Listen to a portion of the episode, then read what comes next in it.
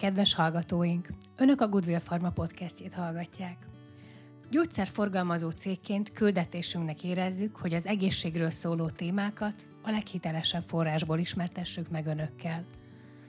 Épp ezért orvosokkal, gyógyszerészekkel és más szakértőkkel beszélgetünk az egészséges életmódról, megelőzésről és gyógyításról, valamint a legújabb kutatásokról. Szentgyörgyi Albert nevét mindenki ismeri hazánkban. Senkinek nem újdonság, hogy Nobel-díjas kutató volt, és hogy a C-vitaminnal kapcsolatos munkájának köszönheti a világhírnevet. Azonban már kevesebben tudják, hogy a professzor úrnak igazán érdekes élettörténete volt. Mai adásunkban az egyik legnagyobb Szentgyörgyi Albert szakértővel beszélgetek. Vendégem dr. Tasiné Csúcs Ildikó történész, kutatókönyvtáros. Ön elképesztő tudással rendelkezik Szentgyörgyi Alberttel kapcsolatban. Honnan jött ez a szenvedély?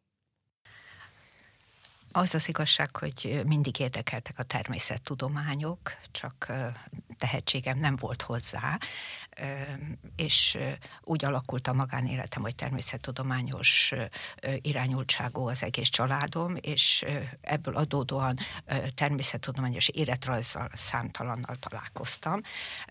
Ugyanakkor volt egy esemény is az egyetemi, az egyetemen, éppen Szentgyörgyi évforduló, és akkor meghallgattam az ott elhangzott előadásokat, és felkeltette az érdeklődésemet Szentgyörgyi egész mentalitása, filozófiai gondolkodása, mert erről hallottam egy előadást, és akkor elkezdtem kutatgatni az ő írományait. Tehát innen eredt az érdeklődés. És melyik írománya fogta meg önt legjobban? Tehát leginkább a Some Reminiscences of My Life című írománya, a, amit aztán le is fordítottunk, és a goodwill közösen egy kis kötetben kiadtuk, három másik önéletrajzi írással együtt, és mivel én az egyetemen filológiát tanultam, hát buvárkodtam a szövegben, és rá kellett jönnöm, hogy ezeknek a magyar fordítása hiányosan lett kiadva, cenzúrázták, és bizony a politikailag érzékeny részeket vágták ki belőle, és ez már megint fölvetett aztán egy újabb kérdés, hogy miért, és, és ö, ö, ö, hogy lehetett ezt akkor megcsinálni, és először a szovjetek oldaláról a szovjet kapcsolatot vizsgáltam, mert érdekes volt, hogy egy Cambridge-ben végzett ember hogy is kerül kapcsolatba a szovjet tudományjal. A mai észszer úgy gondoljuk, hogy ezek ilyen ellentétes más álláspontokat eredményeznek a két közeg, tudományos közeg, de a tudománynyelv az nagyon közös, és Szentgyörgyinél ez volt a fontos.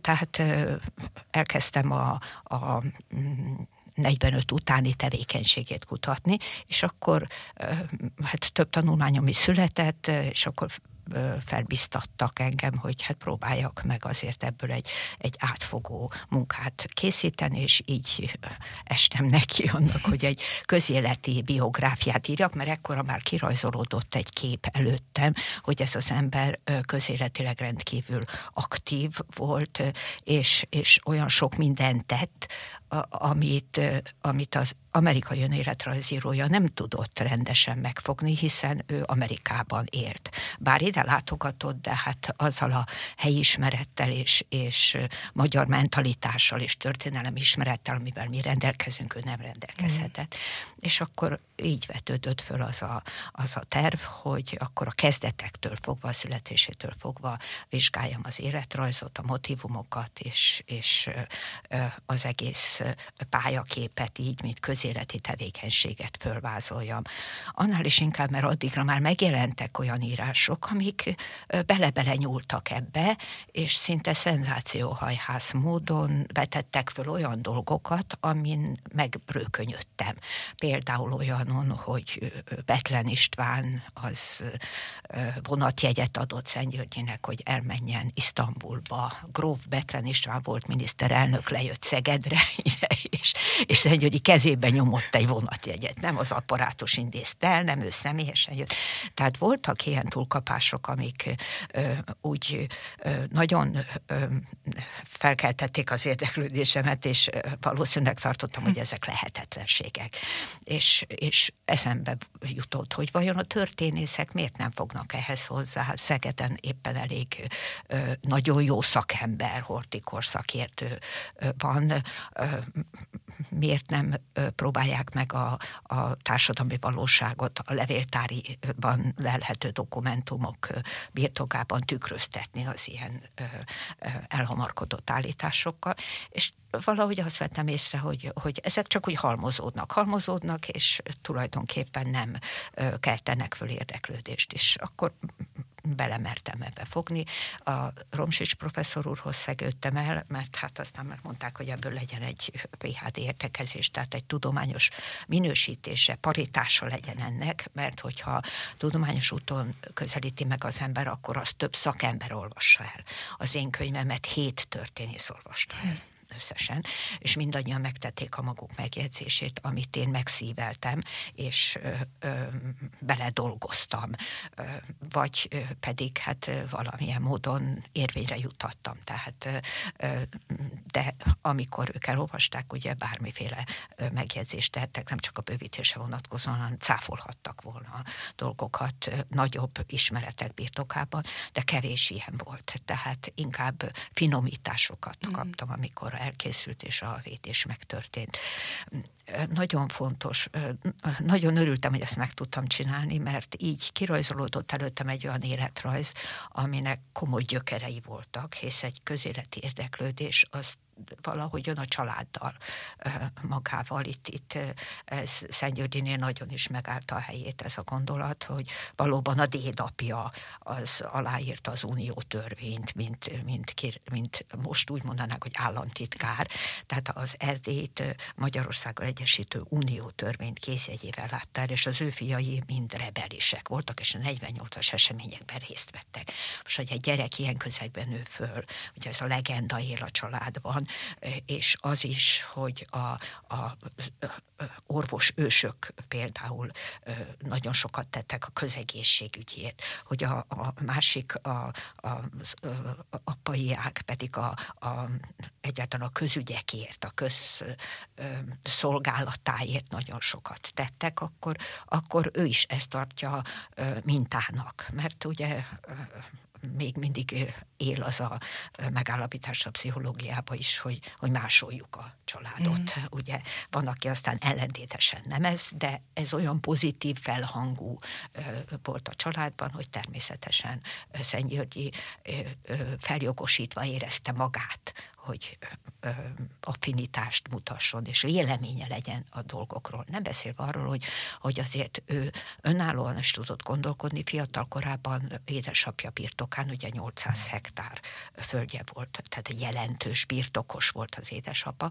Ott a hortikori társadalom minden rétege, a cseléttől kezdve a, a napszámosig ott mindenki előfordult, és bizony látta ezeket az embereket, hogy mennyire szegények. És a gyereknek az igazságérzete az egy életre megmarad benne, hogy, hogy azért valamit tenni kell azért, hogy ezek az embertársaink is emberi körülmények között éljenek. És bizonyára innen eredt az az meglátása neki, hogy a tudomány feladata mindenképpen az, hogy az emberi életet javítsa, hogy magasabb színvonalra emelje, és nem a pusztítás eszköze legyen a politika kezében tehát ezek komoly gyökerek voltak, de aztán Szentgyörgyi bejárta a maga útját, és a maga személyiség fejlődését is, úgymond, ugye, tehát egyetemre iratkozott be, katonának hívták be, mert nem tudta elkerülni, és a fronton is nagyon derekasan helytált, harcolta, mentette a társait, kitüntették, viszont nagyon megundorodott, hát akkor már három éve volt a fronton a vérontástól. Tehát ezek is olyan emberi utak, amik az ember életét később alapvetően meghatározzák. Mm, Tehát sőt. az antimilitarista Igen. magatartása és világnézete az teljesen ezekből a gyökerekből táplálkozott. És utána bizony a legelején rájöttem már, amikor elolvastam az első írásait, hogy rendkívül tehetséges volt.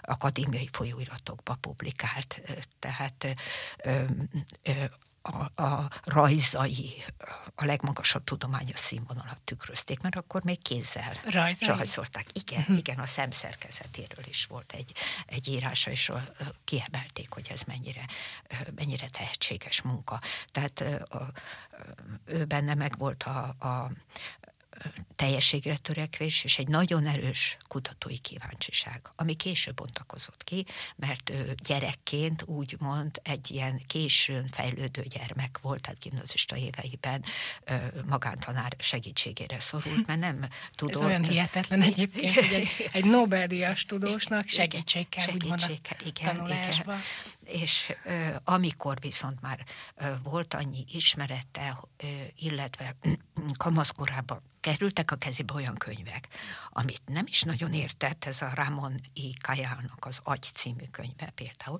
de felkeltett az érdeklődését benne a sok ábra, az egész folyamat, az agy szerkezete, és akkor hirtelen ez az érdeklődés átcsapott abba a ö, ö, szorgalomba is, hogy akkor a, a tankönyveket is olvasom, és, és, és akkor érdekelte. És, és szépen felelt például a burgonyából, van egy ilyen kedves visszaemlékezés, török tivadartól, a természetrajztanárától.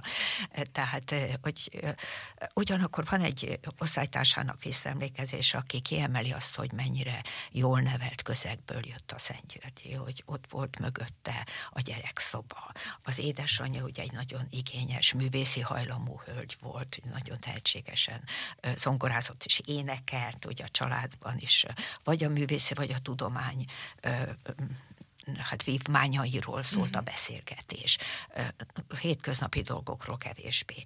És hát ez a közeg azért a, a későn éréssel együtt is hozzájárult ahhoz, hogy ő a, a kutatások iránt, illetve maga iránt, a, a kutatás iránt óriási érdeklődés alakuljon ki benne, és leginkább, ahogy mondtam már kezdetektől fogva, az élet jellege, hogy az miből is áll, mi különbözteti meg az élőanyagot az élettelentől, mik azok az élet jelenségek esetleg, vagy, vagy egyéb szerkezetbeli különbségek, amik, amiket a kutató tetten érhet. Sajnos ugye a történelem az mindig közbeszól, el kellett hagyni az országot, ugye elszegényedett a család, az első világháború után egész Európában óriási éhínség volt, ő külföldön próbált szerencsét próbálni, ahogy József Attila leírta, hogy kitándorgott Amerikába másfél millió emberünk tehát ő is, és szerencsével járt végül is, bár volt egy nagyon mély pont, amikor Németországba éheztek, és akkor a hamburgi ö, ö, intézetbe akart elszegődni, hogy a trópusi medicinát tanulmányozza, ott volt egy ilyen ö, intézet, de mindig valami kis szerencsés véletlen következtében csak visszatért a, a tudományhoz. Egy, egy kongresszuson találkozott valakivel, először Verzár Frigyesre, aztán később majd Hopkins Picasso, és így kerül Verzár Frigyes voltából Hollandiába, ott már ugye hosszabb időt telt a háború óta, nyugodtabbak a viszonyok, viszonylagos jólét van, és ott kezdett el ugye a, a burgonya val foglalkozni, annak a megbarnulása, illetve a biológiai égés folyamatok, és, és a mellékvesében található anyaggal, amit ugye később aztán hexuronsavnak neveztek el. És innen már egyenes útja vezetett aztán Cambridge-be, mert ekkor már megszülettek azok az alapvető cikkei, amire a Hopkins figyelt, és ott Rockefeller Miller ösztöndíjjal dolgozott tovább nagy... És ez egy nagy dolog volt annak idején egy magyar kutató egy számára. Magyar kutató, Igen. Hogy ne, hát ez fantasztikus volt. Igen, hát ugye a tudományban nincsenek ilyen nép meg országhatárok, csak teljesítmény van. Ezt aztán például a, a, a cserkészeknek adott tíz parancsolatába is nagyon jól leírta később Szentgyörgyi, hogy a fiataloknak jó tanács, és a cserkészeknél is, hogy, hogy nem az számít, hogy, hogy honnan jöttél, hanem hogy hová mész, és, és milyen eredményei vannak.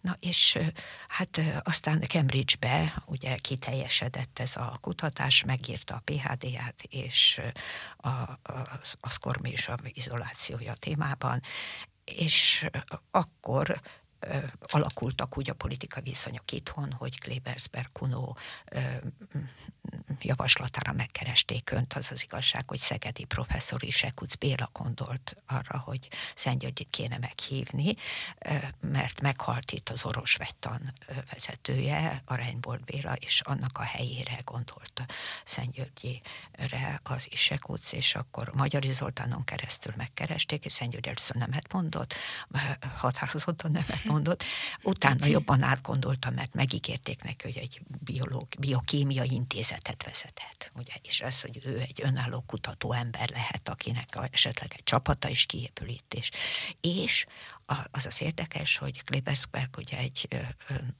szélesebb látókörű politikus volt, megígérte neki, hogy majd együttműködnek a Rockefeller Alapítvány támogatásának elnyerésében. Mm.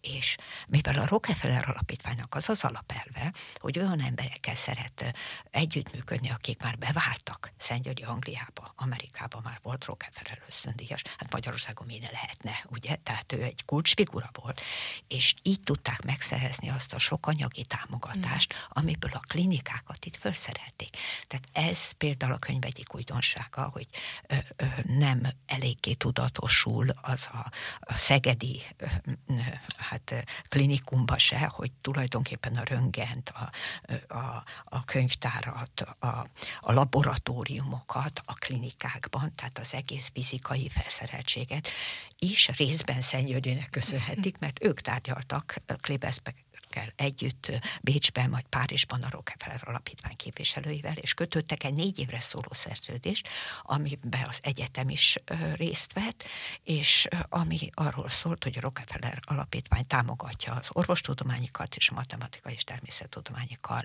kutatásait eszközökkel.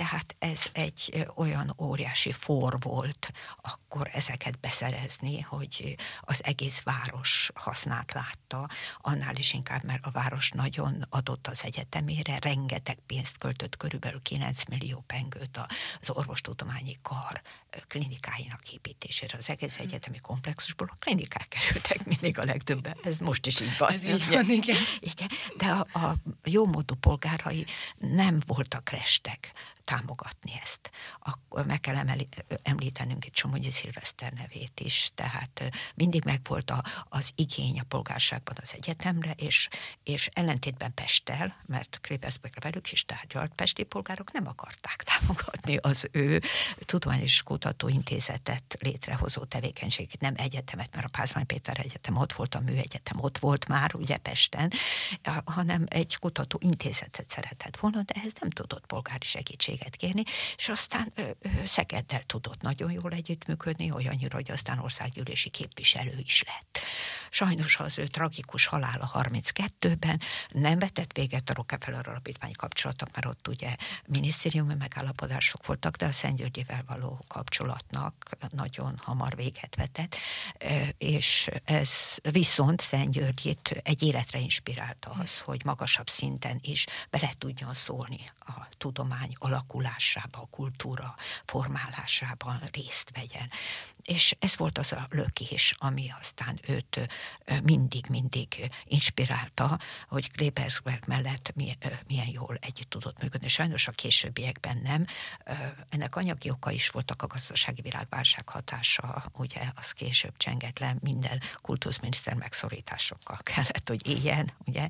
Tehát ez egy kellemetlen szerep volt, de a, amikor elnyerte a Nobel-díjat, akkor is hát voltak olyan nyilatkozatok, amelyek nem egészen állták meg a helyüket, és nem igazán, ő mindig szeretett volna például Budapestre kerülni, oda, ahol a nagybátyja Lenhossék Mihály, és tanszéket vezetett a Pázmány Péter Tudományegyetemre, hiába pályázott, nem kapta meg.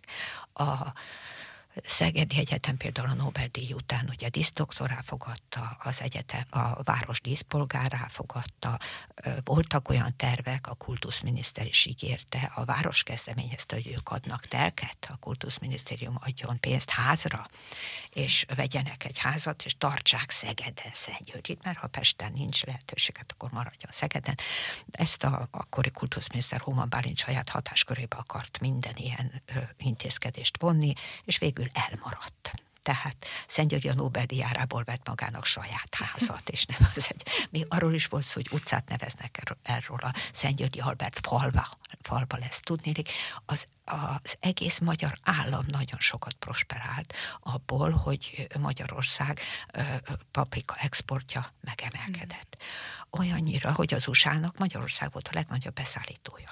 Most ehhez hozzájárult az is, hogy korábban a spanyolok voltak, de a spanyol polgárháború miatt azok háborúztak, nem tudtak termelni, és a magyarok Szegeden nagyon sok molnár és paprika feldolgozó iparos gazdagodott meg, illetve hát nagyon sokan meg tudtak élni ebből. És bizony ez az államnak is összevetették, hogy a házköltsége mennyi lenne, és mennyi bevétele lett az államnak, hát ilyen száz vagy ezer szoros szorzó volt, tehát hatalmas nagyságrendbeli szorzatok voltak, és hogy úgy gondolták, hogy csak egy ilyen, hogy ez csak egy szerény díj lenne, nem is áldozat ugye az államtól. Tehát nagyon sokat tett, és a konzervgyártás is, mert ugye a vitaprik készítmény az egy mm. ilyen konzerv volt, ami megőrizte a C-vitamin tartalmát a paprikának.